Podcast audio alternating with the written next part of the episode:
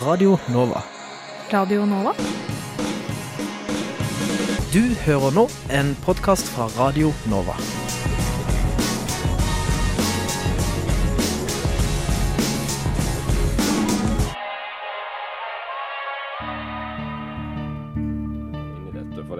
For det hadde vært siden eh, Noam Chomsky etablerte den greina lingvistikken som, som jeg befinner meg i. Vi håper jo på bredest mulig oppslutning om SV, og jeg tror at det eneste som kan få norsk løsner båndene mellom staten og kirka, og forhåpentligvis fører til tettere bånd mellom kirka og folk. Så hadde de gjort som andre fjøringsbevegelser i verden, hadde de helt legitimt, kanskje, tatt i våpen. Og, og så direkte skildring av menneskeskjebner tror jeg ikke vi har sett eh, i noen annen nyhetsdekning av noen annen terroraksjon. Det er eh, såpass store forskjeller mellom den kalde krigen, hvor det var to stormakter som sto mot hverandre, eh, og den situasjonen vi har i dag. Du hører på samfunns- og aktualitetsmagasinet Opplysningen 99,3 på Radio Nova. Opplysningen 99,3 på Radio Nova. Nordmenn har generelt stor tillit til politiet sammenlignet med andre europeere. Men er dette i ferd med å endres? Og isbjørnunger som drifter hjelpeløst vekk på et smeltende isflak, har blitt et kjent syn når klimaendringene skal kommuniseres i media. Men hvilken effekt har egentlig slike bilder på oss? En feriestasjon har en innvirkning på den enkelte nordmanns selvfølelse og identitet. De sliter, og de har ikke råd til å betale eh, markedspriser for, for gassen. Akkurat nå hører du på Radio Novas samfunns- og aktualitetsmagasin, Opplysningen 99,3.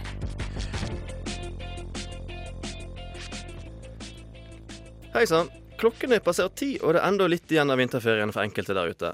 Siden dine ører er klistret til Radio Nova, betyr det at akkurat nå så hører du på Opplysningen 99,3. Mitt navn er Tom Henrik Monsen, og for en gangs skyld er det ikke bare én for opplysningen her i studio. Vi er to, for du også er her, Heidi Sevald. Hei sann. Hei. For eh, denne uken har jo store deler av Østlandet hatt vinterferie. Ja, det stemmer. Og i Norge er jo dette noe skolen har hatt jevnt og trutt siden andre verdenskrig, faktisk. Eh, Da ble det nemlig innført en såkalt brenselsferie, fordi det var vanskelig å holde skolebygningene varme gjennom hele vinteren.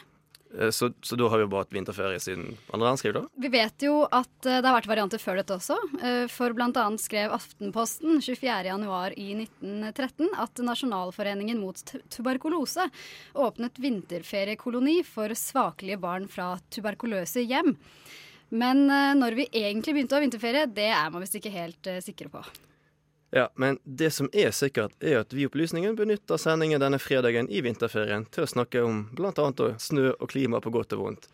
Og blant annet så skal du eh, snakke om hvordan isbjørn har blitt et symbol på klimaendringer. Ja, det skal jeg, for eh, senere kommer nemlig en fra Eidsvollsbygningen, der eh, de flittig bruker isbjørnen for å sette fokus på klimaspørsmål nå i vinterferien. Men først. I dag er det fem uker siden Donald Trump ble innsatt som president i USA. Og dette markerer vi på følgende måte.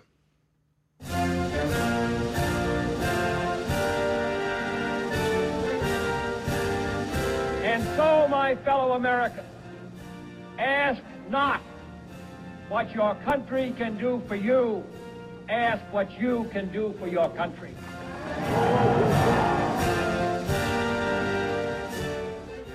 Wrong, deadly wrong, to deny any of your fellow Americans the right to vote in this country. Mr. Gorbachev, tear down this wall.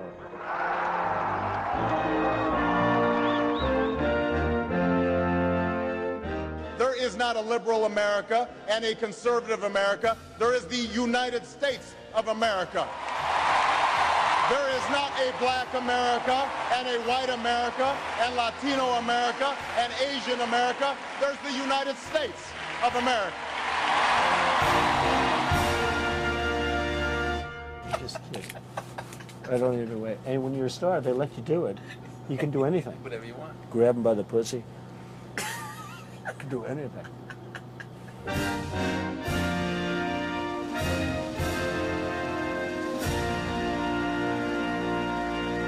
Du hører på Opplysningen 99,3 på Radio Nova. Dette var, så du hørte, en gammel hit, Ice Ice Baby. Og det hersker eh, nok liten tvil om at 90-tallsrapperen Vanilla Ice var opptatt av is. Men nå skal vi til et vesen som nok er mer avhengig av dette. Ja, det skal vi, for eh, isbjørnen, verdens største landlevende rovpattedyr, er stadig under press pga. den smeltende sjøisen i Arktis. Og eh, selv om den er veldig tilpasningsdyktig, har den vist tegn på problemer med å klare seg. Tidligere ble den jaktet på av alt fra inuitter til sportsjegere og kommersielle fangstfolk, men på 1970-tallet gikk de arktiske landene sammen om å begrense jakt. Og I dag er isbjørnens største trussel at den arktiske sjøisen smelter, og Verdens naturvernunion har uttalt bekymring for at framtiden til verdens ca. 25 000 isbjørner vil være svært usikker hvis isen fortsetter å smelte.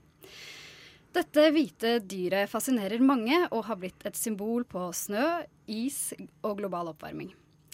Miljøorganisasjoner som Greenpeace, WWF og andre som jobber mot klimaendringene, bruker isbjørnen aktivt i sitt kommunikasjonsarbeid. Dette gjelder også Eidsvollsbygningen nå i vinterferien. Der er det nemlig fokus på isbjørn og klimaendringer på Svalbard, med aktiviteter rettet mot barn. Astrid Galstad, du er nestleder og samfunnskontakt ved Eidsvollsbygningen. Velkommen til oss. Takk skal du ha. Eh, kan ikke du fortelle litt om hva dere driver med oppå Eidsvollsbygningen om dagen? Jo, vi er jo kjent for riksforsamlinger, da.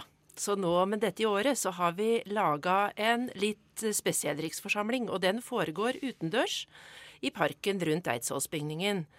Der har vi rett og slett bygd opp et lite stykke Svalbard der vi har eh, satt opp fire små hus, malt i svalbardfarver, og inni der er det lek og læraktiviteter for unger.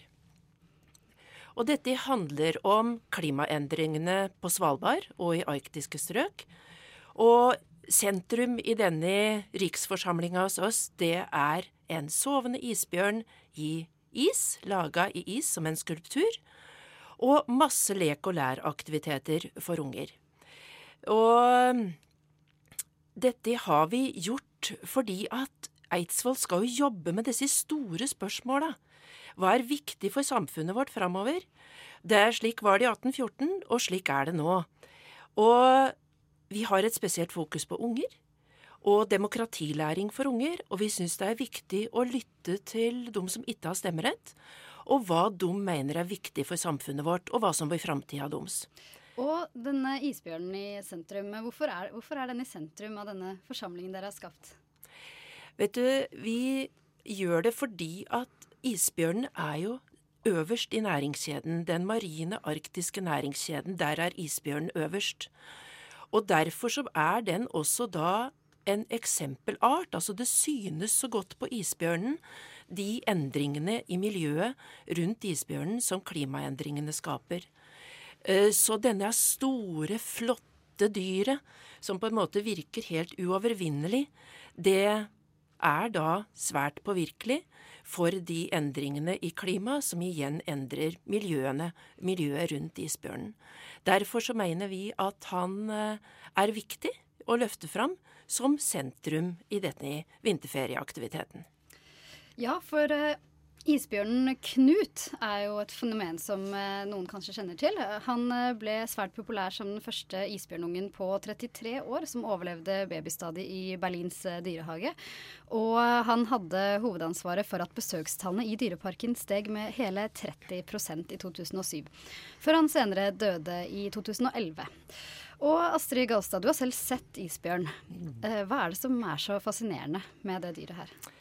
Ja, jeg så eh, isbjørn på Svalbard. Eh, var ute i båt. Og på Nordenskjøldbreen, som da lå blå og flott foran oss, der så vi en liggende, sovende isbjørn.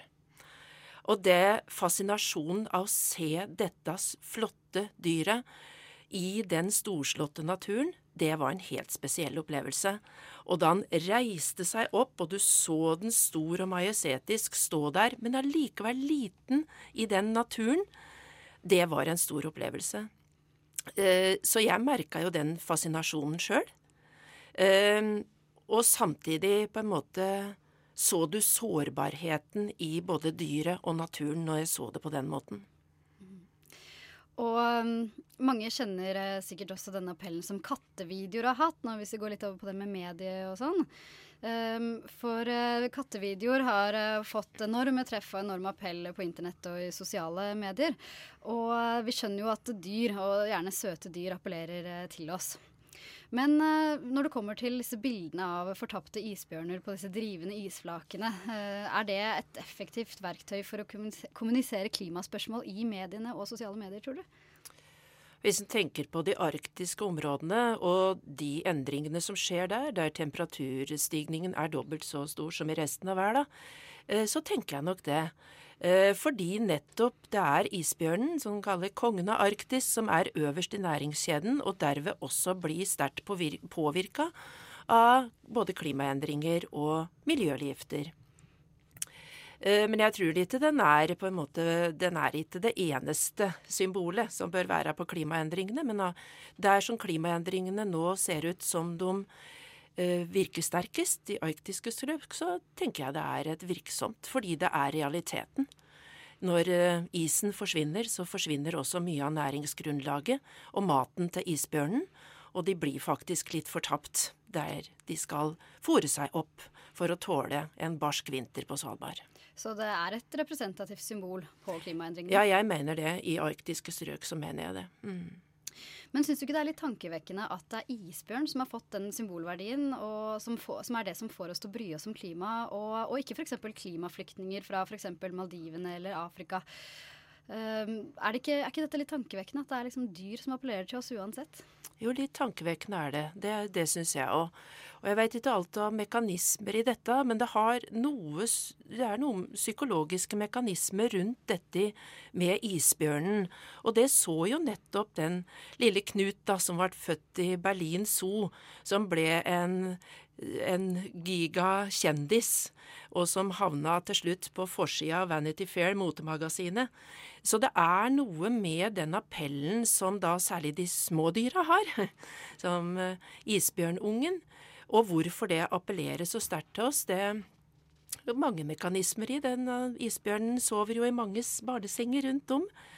Eh, Men det er jo Vi må Jeg tenker det er viktig at vi har øynene åpne for også det andre spekteret av klimaendringer, og, er, og tar det inn over oss. Det, har, kommer, det er mange konsekvenser og mange virkninger av klimaendringene som rammer folk. Mm. Er det vanskelig å få folk til å bry seg om eh, klimaendringene, tror du? Vet du, vår erfaring på Eidsvoll fra dette riksforsamlinga her, er at folk vet mye om klimaendringer. De er opptatt av det. Og særlig nå i vinterferien. Vi er noe med den leken og gleden over å være ute i aktivitet i snøen og de mulighetene som det ligger, gir, som folk er opptatt av. Og folk er litt bekymra for at det ser ut som det endrer seg i forhold til snømengden. Eh, Så vi opplever vel at folk er engasjert. Eh, Men vi er veldig opptatt av på Eidsvoll å formidle dette for unger og voksne med et håp og en positiv vinkling. For vi kan alle gjøre vårt. Eh, Og vi er ikke ute etter å spille på noe dårlig samvittighet eller noe. Vi er ute etter å få folk på en måte deltakende, aktive, til å sjøl reflektere at vi legger til rette for noe, og vi veit at folk er kunnskapsrike. Så vi trenger ikke å spille på noe dårlig samvittighet ennå. Dette, dette opptar folk. Og, men vi gjør det på en, på en måte som, eh, som folk eh, på en måte deltar, engasjerer seg, eh, skriver sine egne miljøvettregler, skriver gode ønsker til Svalbard og henger på svalbardtreet. Det er jo ikke trær der, da, men det er nå et på Eidsvoll nå, som er et svalbardtre. Så Ja, er jo- positivt engasjement, syns jeg. Ja, og det er kanskje viktig å, å begynne, begynne å ta tak i folk på den måten. Men uh, nå ser vi jo også at uh, man kanskje er avhengig av en mobilisering uh, gjennom spesielt media for å Mm. kunne få gjennom viktige Mm. og sånn. Og tror du det er en fare for at det blir litt mye føleri rundt mobiliseringen av dette her når man spiller, på, spiller på akkurat dette, når man spiller på disse søte dyrene? Ja, det, jeg tror nok det er det, hvis du ikke balanserer budskapet. For det er vi, det er vi opptatt av. At du må ikke se på, ha inntrykk av at dette er en, bare en kosebamse. Eh, Så vi formidler også at dette er et svært farlig dyr. Eh, Vi formidler isbjørnvettregler og hvordan det faktisk er på Svalbard. At du Dette er ikke noe du Det er ikke noe leketøy. Eh, Så det gjør vi. Så vi er opptatt av å få fram dyret som rovdyr, og at det er ekstremt sårbar. Det er ikke uovervinnelig. Det syns jeg var et eh, viktig siste ord. Tusen takk for at du kom til oss, eh, Astrid Galstad, nestleder og samfunnskontakt i Eidsvoll 1814. Takk for at jeg fikk komme. En feriestasjon har en innvirkning på den enkelte nordmanns selvfølelse og identitet. De sliter, og de har ikke råd til å betale eh, markedspriser for, for gassen. Akkurat nå hører du på Radio Novas samfunns- og aktualitetsmagasin, Opplysningen 99,3.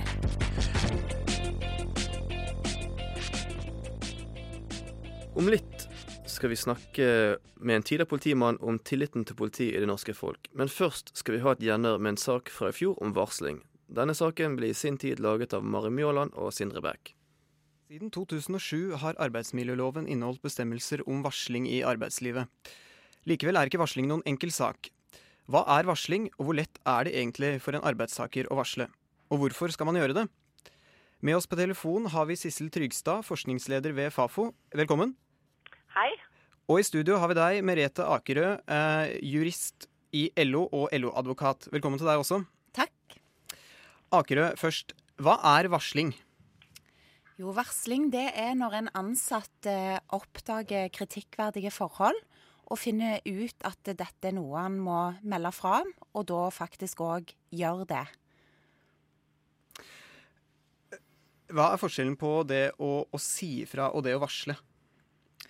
Altså Det å si fra det kan jo være om så mangt, eh, men dersom det er en varsling etter lovens bestemmelser, så må det omhandle et kritikkverdig forhold. Altså eh, noe med en viss alvorlighetsgrad.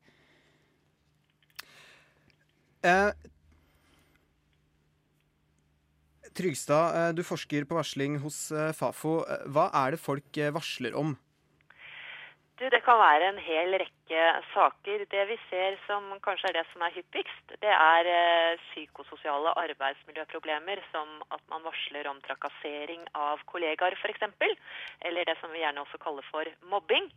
Eh, det kan være brudd på rutiner som går på helse, miljø og sikkerhet, men det kan også være eh, forhold som retter seg mot brukere, vold mot brukere, uetisk oppførsel eller korrupsjon eller underslag, den type problemstillinger. Så, så lista er veldig lang. Dere skal i gang med en eh, ny undersøkelse om varsling i norsk arbeidsliv i slutten av april. Eh, om vi tar utgangspunkt i det dere vet fra før, hvor mange er det som varsler? Av de som eh, eh, oppdager et alvorlig kritikkverdig forhold, som er vår definisjon, da, eh, så er det mellom 50 og 60% som varsler i de undersøkelsene vi har gjennomført. Det varierer litt, men i den siste undersøkelsen vår i 2013 så var det 62% som varslet om det de opplevde som alvorlig kritikkverdig forhold til noen som kan gjøre noe med det. Og Det kan da være nærmeste leder, det kan være tillitsvalgt verneombud eller leder høyere opp. Det er eh, nesten ingen som varsler media første gang. Hva skjer eh, med varslerne? Hvordan håndteres eh, de på norske arbeidsplasser i dag? Ja, det er jo litt variabelt. Men hvis vi skal snakke ut ifra det store bildet, så er det sånn at for majoriteten så går det bra å varsle. Og Det betyr at eh, de, noen får eh, ros av kollegaer eh, eller også lederne, eller de varsler, og, og, og det, det er tilsynelatende greit. Men så er det en andel på sånn 14-13-14-15% som blir sanksjonert. Og de som blir sanksjonert, de kan bli sanksjonert veldig hardt. Og så kan man jo si at det ikke er en så stor andel, men hvis man begynner å regne på dette her, eh, så er vi oppe i et anselig antall arbeidstagere. Vi snakker om 45 000-46 000 arbeidstagere som blir sanksjonert eh, som et resultat av at de har varslet. Det her er jo de som velger å si ifra eller eh, velger å varsle, men hvorfor er det noen som forholder seg tause om kritikkverdige forhold? Det vi vet er at den, den begrunnelsen som flest oppgir for at de er tause, det er frykt for represalier. Eh, Så av de 40 eller noe sånt nå, som velger å ikke si fra, Eh, Så er det 30% som sier at de unnlater å bruke eh, varslingsmulighetene sine fordi at de frykter for konsekvensene. Og det er jo veldig alvorlig, fordi vi vet at noen av disse sakene dreier seg om urett begått av brukere f.eks. som ikke har noen mulighet til å forsvare seg selv. Akerø, eh, det er jo alvorlig at eh, mange ikke tør å si ifra om ting som ikke er som de skal. Eh, Hvordan jobber dere i LO med varsling? Jo, eh, vi jobber veldig med å gi ut informasjon til våre forbund. Eh, forbundene bringer videre informasjon til de tillitsvalgte, som da forsøker å lage gode rutiner lokalt, eh, sånn at eh, de som velger å varsle, kan bli godt ivaretatt lokalt, altså innenfor sin egen virksomhet. Eh, De kan òg representere de når de har varsla allerede. Eh, Og det, hvis det er kommet noe sanksjonering i ettertid, så kan de da eh, bistå de i en prosess videre. Eh, og, og det beste eh, for en varsler, tror jeg, er om dette løses lokalt, og at dette ikke blir en type ny konflikt som da får eh, rulle videre over lengre tid. Har du noen eksempler på saker du har jobba med sjøl? Ja, jeg har bl.a. et eksempel på en eh, arbeider. Han var òg tillitsvalgt uh, sjøl. Han varsla om sikkerhetsmessige kritikkverdige forhold da, ved bedriften, og han fikk da avskjed. Em, I det tilfellet så var det jo veldig kjekt at vi faktisk eh, kunne hjelpe han, eh, og der fungerte rettssystemet i det eksempelet veldig godt. Eh, han fikk da jobben tilbake innen ganske kort tid. Men det er alltid en viss behandlingstid eh, i rettsinstansen, da, men i forholdsvis kort tid etterpå så fikk han da jobben tilbake igjen, og seinere da så trakk de avskjeden tilbake for fullt. Er det nok eh, folk eh, som varsler i arbeidslivet i Norge i dag? Nei, jeg mener at det er ikke nok per i dag. Jeg håper at vi kan bidra til å skape eh, holdningsendringer, både hos virksomhetene, men òg hos de ansatte. Denne 40 som forskeren nevner her. Eh, at òg de kan føle seg trygge på at de ikke vil eh, bli sanksjonert i ettertid. Og dette beror jo på et godt arbeid lokalt med rutiner og det å skape eh, et godt sikkerhetsnett rundt varsleren lokalt. Det er jo et eh, ytringsfrihetsperspektiv i eh, den saken her også. Trygstad, i en artikkel fra 2015 så skrev du at det i løpet av det siste året har skjedd lovendringer som styrket arbeidstakeres ytringsrett. Samtidig som data viser at en stor andel arbeidstakere opplever at ytringsfriheten innskrenkes, både formelt og uformelt. Eh, Hvordan gjøres dette? Eh, Det gjøres på veldig mange måter. En eh, kanskje veldig eh, vanlig måte, og, og særlig i offentlig sektor, er at man produserer en hel rekke rutiner, retningslinjer, fremgangsmåter for hvordan man skal oppføre seg. F.eks. hvis en sånn som deg ringer, hvis en journalist ringer, så har man kanskje sinnrike fremgangsmåter for hvem som får lov til å snakke med deg, hva jeg får lov til å si til deg, hvordan jeg skal forholde meg. Det er kommuner som, som f.eks. sier at når eh, ansatte skal snakke om arbeidsplassen sin, så skal de snakke på en måte som gjør at man bygger opp omdømmet til eh, kommunen man jobber i. Den type ting. Sånn at eh, hvis jeg fikk bestemme, hvis jeg var kommunal- og, og moderniseringsminister, så ville jeg sagt at det første kommunene må gjøre, er å rydde opp i jungelen av rutiner og retningslinjer, fordi at de bryter med Grunnlovens paragraf 100. Det er sånn at I Norge så er det begrensninger i arbeidstakeres ytringsfrihet som skal begrunnes, og ikke motsatt. Eh, og Samtidig så er dette ganske absurd, for som du sier, så har altså ytringsretten til norske arbeidstakere egentlig aldri stått sterkere. Eh, og i komparativ sammenheng så har vi nok også eh, det beste lovverket når det gjelder det å sikre arbeidstakere som, som kan ytre seg. Men vil du si at de systemene som finnes for å varsle, er gode nok? Eh, Det vi vet er at eh, det er gjort en stor jobb, som, også advokaten påpekte, når det gjelder å lage rutiner for å varsle i eh, norsk arbeidsliv. Og det vi også vet er at det er en klar statistisk sammenheng mellom de arbeidstakerne som sier de har varslingsrutiner. Og når de varsler, da går det rett og slett bedre med dem. Så det tyder jo på at det er gode rutiner der ute. Men det man skal være forsiktig med, er at man ikke lager rutiner som blir veldig kompliserte å forholde seg til. Og det vi også ser, er at det er en tendens til at man lager ulike rutiner for å varsle om ulike saker. Og det kan i utgangspunktet kanskje være godt ment, men for den arbeidstakeren som skal varsle der og da, så kan det bli ganske komplisert å vite hvilken rutine man skal benytte i akkurat denne saken. Så, så egentlig så burde dette være ganske greit. Eh, lage en fremgangsmåte for hvem man skal si fra til når man opplever noe alvorlig kritikkverdig på arbeidsplassen, og egentlig ferdig med det. Akerø, eh, du jobber jo i eh, LO. Eh, har du noen tips til eh, hvordan en arbeidstaker bør gå fram om det er kritikkverdige forhold på sin arbeidsplass? Ja, absolutt. Det første man må gjøre, er å undersøke rutinene i bedriften. Eh, De finner man ofte på sidene, eh, internsidene til bedriften. Og jeg råder de til å følge disse til punkt og prikke. Eh, Fordi da oppnår man rett og slett best vern. Dersom det ikke er rutiner i virksomheten, så oppfordrer jeg til å ta direkte kontakt med tillitsvalgt og eller verneombud. Eventuelt begge to. Vil du si at det lønner seg å varsle? Eh, Rent økonomisk så er det ikke de store Det er ikke som i USA hvor eh, det utbetales veldig høye erstatninger, så jeg vil ikke tro det er økonomisk lønnsomt. Og det er klart at det er viktig å varsle eh, for, eh, for arbeidsplassen og for eh, sikkerheten til de ansatte. Så er det veldig viktig at noen varsler. Men, men eh, man må eh, samtidig være eh, veldig forsiktig òg eh, når, man, eh, når man skal varsle. Det er viktig fremgangsmåten og hvordan man gjør det. Hvilke avveininger må man eh, gjøre? Det er viktig. Jeg mener jo at dersom det finnes kritikkverdige forhold, så, eh, så bør man varsle.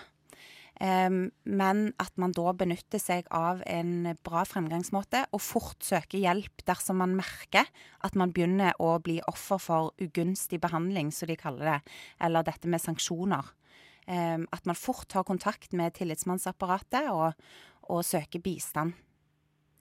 Ja, eh, vi må runde av der. Eh, takk for at dere var med. Sissel Trygstad, forskningsleder ved Fafo, og Merete Akerø fra juridisk avdeling i LO. Radio Nova FM 99,3 og radionova.no. Varslingssaker og påstått korrupsjon.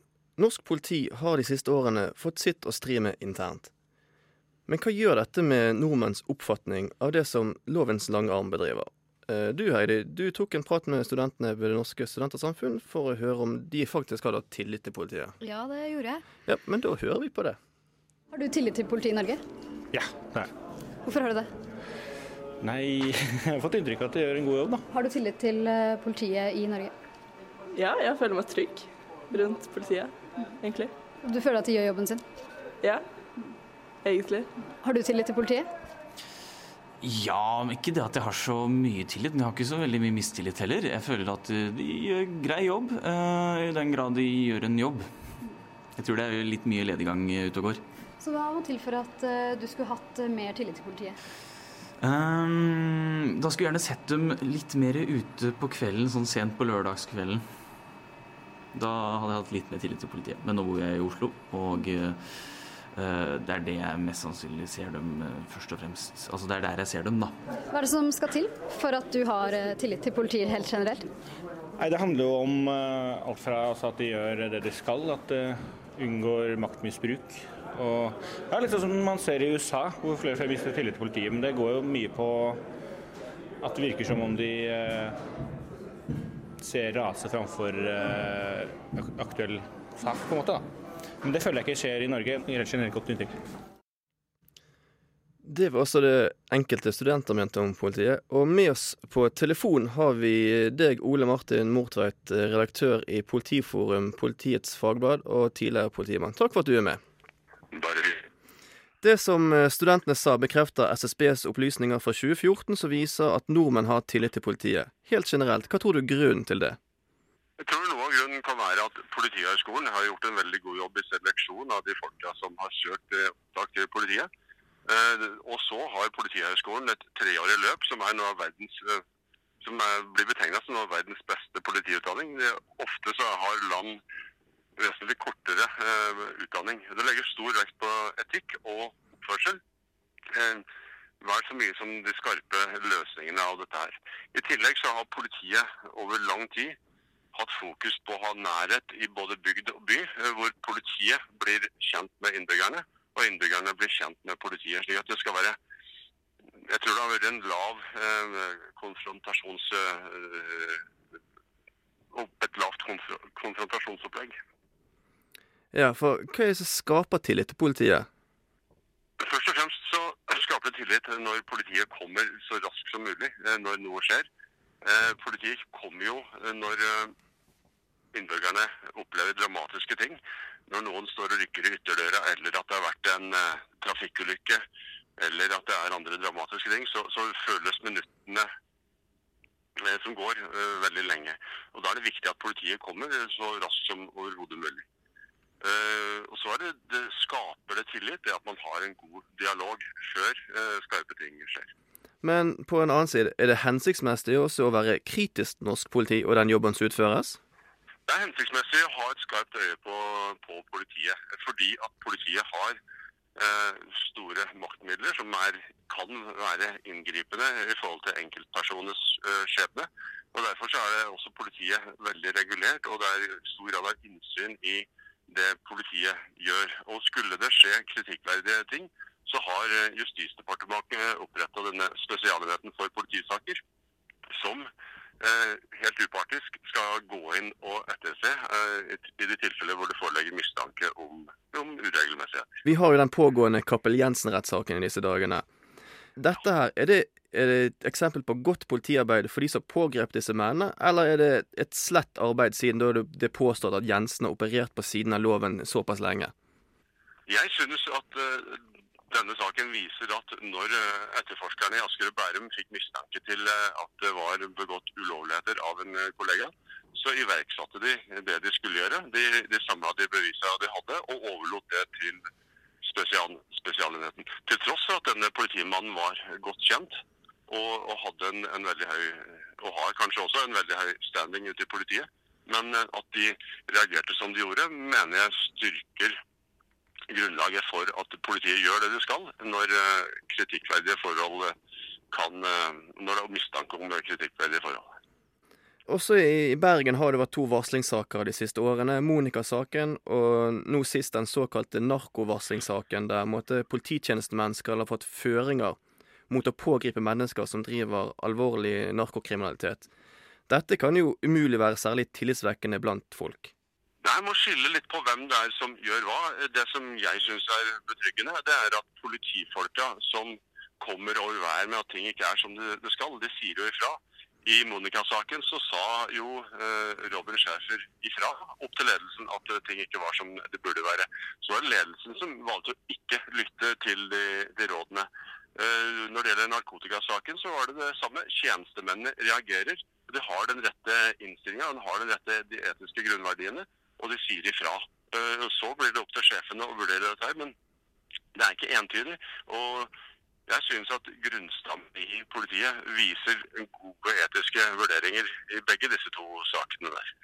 Men sånne saker som Kappel Jensen-saken og varslingssakene, altså når folk ser det utenfra, svekker det måtte, tilliten til politiet på et nasjonalt plan, eller er det en mer sånn regional greie for der de sakene skjer? Ja, det er vanskelig å vite hva, hva innbyggerne mener, men jeg mener eh, ta nå Cappelen-saken som du viste til, som går for retten nå. Den, der, der legges det jo fram eh, eh, Det vi ser, er jo at det er gjort ganske god etterforskning. Har ikke spart på noe eh, hva, gjelder, eh, hva gjelder etterforskning. Og Justisdepartementet har fulgt opp med ekstra penger til Spesialenheten for politisaker, slik at du skal kunne følge alle sporene som, eh, som du mener det er grunn til. Så selv om dette er belastende, så mener jeg at dette er eh, Systemet fanger det opp og, og tar det til eh, retten når de mener at det er behov for det. Sånn avslutningsvis, bare for å skifte litt i tema, eh, for på Politiforum skrev du for noen dager siden om en alarmerende tillitssvikt fra Politiets Fellesforbund sine medlemmer angående nærpolitireformen, og om den i det hele tatt kommer til å gi en bedre polititjeneste når den er gjennomført. Så eh, hvis eh, politiet sjøl ikke har tro på dette, hva skal da landets eh, innbyggere tenke? Nei, og det er det som er alarmerende. Vi har en reform som er igangsatt uten særlig deltakelse fra de ansatte. Og de vi spurte i denne undersøkelsen, de representerer de som kan mest om kriminalitetsbekjempelse her i landet. Og når de ikke har troa, så tyder mye på at den øverste politiledelsen har satt i gang noe som, eh, som vil ha vanskeligheter med å nå de måla som eh, Stortinget har satt. Det er vanskelig å utøve ledelse når eh, åtte av ti ikke har tro på verken veien eller målet. Så, men sånn som i denne, så den nærpolitireformen, da er det kanskje mer politikerne det går på, ikke så mye politiet, kanskje? Nei, Politikerne har hatt de beste intensjoner, men, men, men det, det kommer jo an på hva slags råd de har fått i forkant av, eh, av denne reformen. Eh, Det fo- foreligger en politianalyse med, med, med masse råd, men eh, vi har lyst til å vise at politiet har da, generelt sett en svært god tid. Og jeg har ikke fått med meg hva det var eh, som gjorde det nødvendig å omorganisere politiet så mye som det gjør nå. Jeg har ikke fått med meg hvorfor det er nødvendig å fjerne politiet fra 124 eh, kommuner. Og, og skape større avstand og skape mindre rom for eh, dialog. Ja, Så uansett, det blir altså en spennende tid for fremover for å se hvordan dette kommer til å løses på, altså. Det blir veldig spennende å se hva, hvilke grep politikerne nå gjør. Om de ønsker å stanse nedleggelsen av eh, så mange lensmannskontor, eller om de ønsker å, å være med på noe som mange politiansatte ikke har tro på. Ja.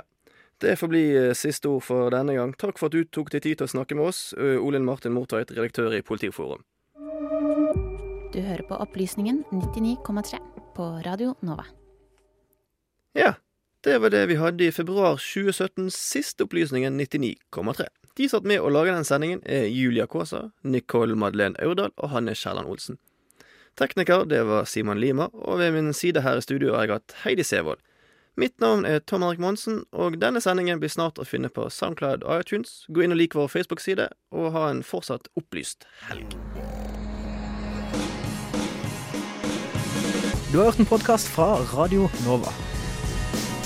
Likte du det du hørte? Du finner flere podkaster i iTunes og på våre hjemmesider radionova.no.